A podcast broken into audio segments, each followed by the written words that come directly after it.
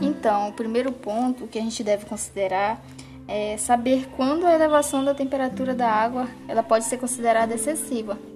Até porque, é, geralmente, a temperatura ela muda com as estações do ano. Existem algumas épocas em que o clima está mais quente e existe, existe, existe outras que nem tanto. E com essas mudanças, os organismos eles acabam é, se adaptando a essas variações. É, por exemplo, existe organismos que estão adaptados naquele, naquele local e eles desenvolvem o ciclo de vida de acordo com as condições ambientais. Porém, é, existem momentos em que essas mudanças naturais elas podem também estar acima do que é acostumado. O clima está muito quente e isso vai refletir diretamente no crescimento e no número de organismos.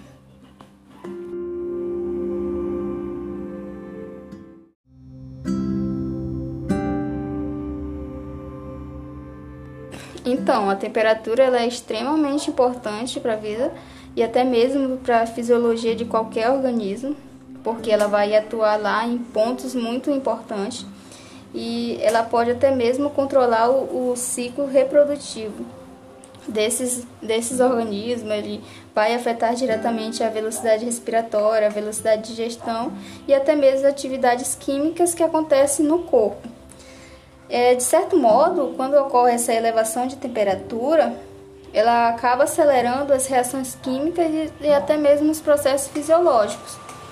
Com essas elevações que ocorrem no processo metabólico, o organismo ele vai precisar de uma quantidade maior de alimento para manter o seu peso corporal e com isso também ocorre uma velocidade no crescimento e uma diminuição no ciclo de vida desses organismos.